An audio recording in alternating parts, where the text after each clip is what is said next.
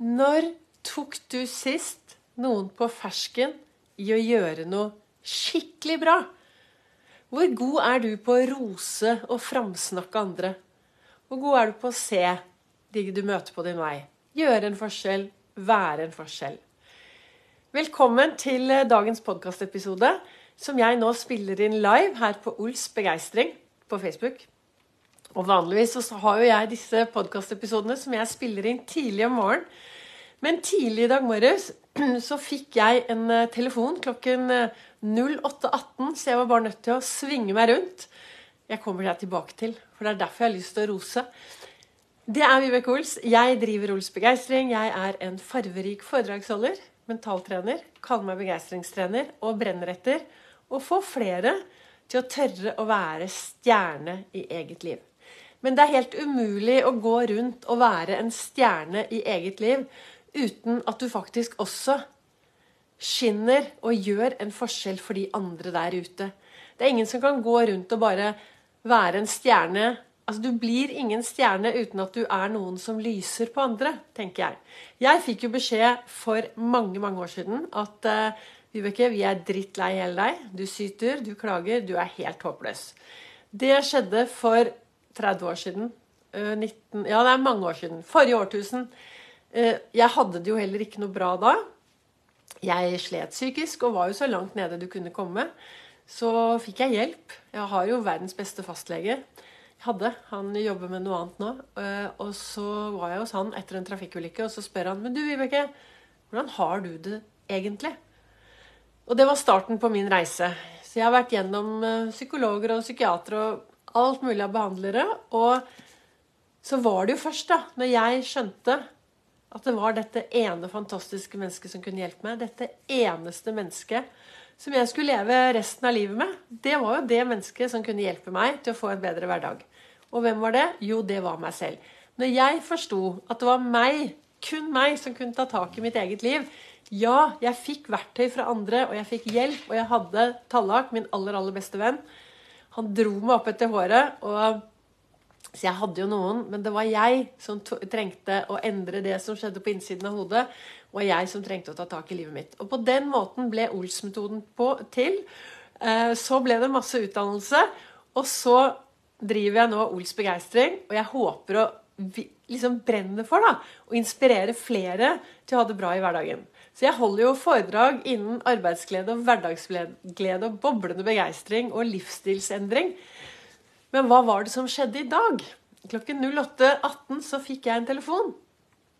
Eh, vi ser du har satt opp, og du, du, står på sånn venteliste, og vi kan ringe deg på kort varsel. Ja, ja. Ja, Kan du komme hit klokken 10.30? Ja da. Jeg hiver meg rundt.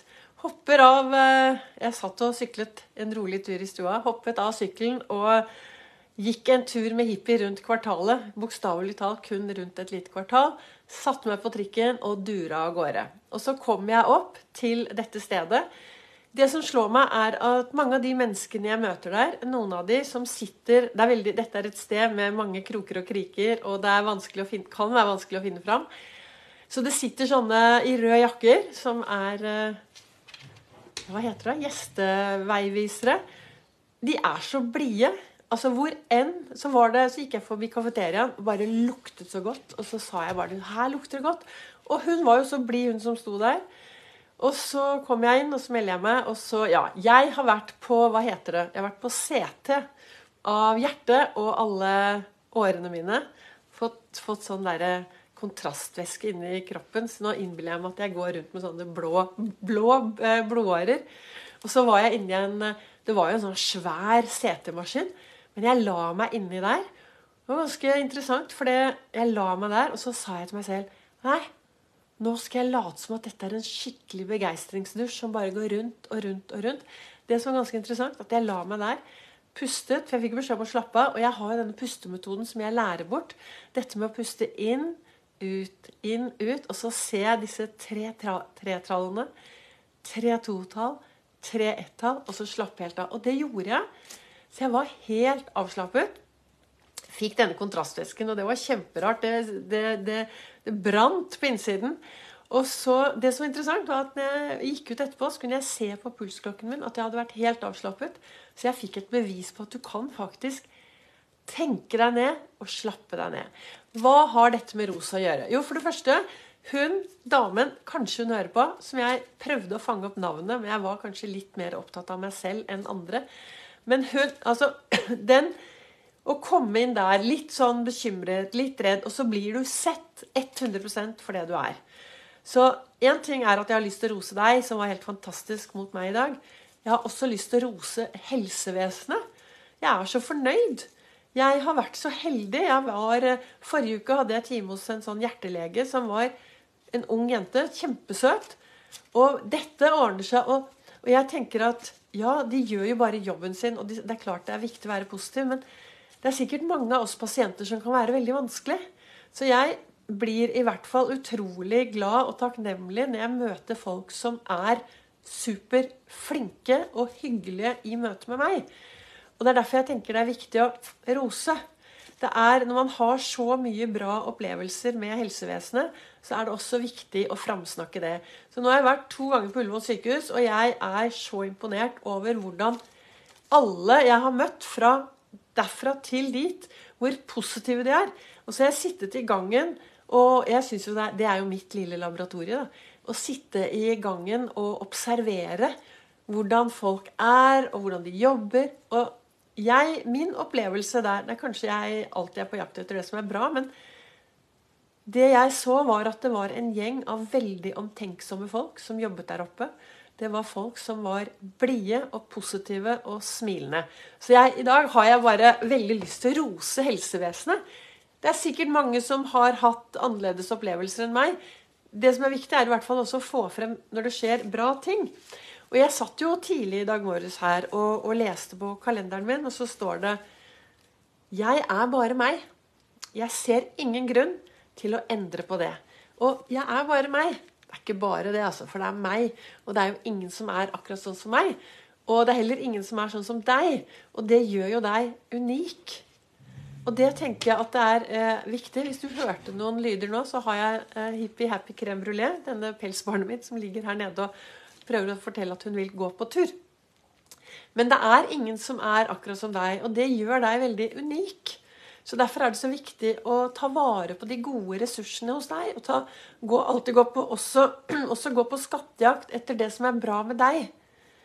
Det som skjedde med meg når jeg for mange mange år siden fikk beskjed om at uh, folk var møkka lei hele meg fordi jeg klaget og syntes, det var jo fordi jeg hadde det mindre bra på innsiden. Jeg var... Uh, jeg gikk rundt med et tankesett som var Det var så destruktivt. Herlighet. altså Jeg gikk rundt bare jeg så et speilbilde, så hadde jeg så dårlig indre dialog, og jeg tenkte så mye dumme og slemme tanker om meg selv.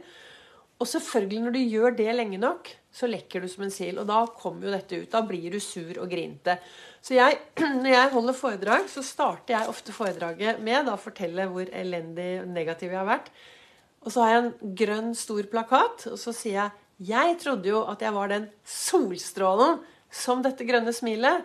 Men så opplevde folk meg som den der negative, sure røde. Altså et rødt, uh, surt fjes ved siden av. Og så tenker jeg det at hvis du er på en jobb nå, hvis du har en jobb, og så tenker du det at nei, at jeg har noen på jobben som er altså så sure og så grinte. Nei, vet du hva, jeg orker ikke å begynne å være hyggelig. Å gå på skattejakt etter noe bra hos de, nei, det orker jeg ikke. Men det er jo ingen som kommer på jobb og bestemmer seg for å være sur eller grinte. Jeg tenker jo at folk kommer på jobb, og så gjør de så godt de kan. Det kan hende, hvis du har en rundt deg som er litt sur og grinte, så prøv å finne noe bra. Du vet, vi mennesker er faktisk som popkorn. Hvis du popper masse popkorn, sånn som vi gjorde på, i gammelt av, da, før vi fikk mikroovn, da jeg vokste opp, så tok vi popkorn olje, og så poppet vi pop, pop, pop, pop, og så var det ferdig. Men nei da. Når du tok av den poppekjelen, så var det jo alltid noe popkorn som lå igjen. Sånn er det med oss mennesker òg. For de popkornene som lå igjen, de trengte litt ekstra varme. Og sånn er det med oss mennesker òg. Det er noen der ute som trenger det lille ekstra, som trenger å bli sett bitte lite grann ekstra for å kunne poppe ut.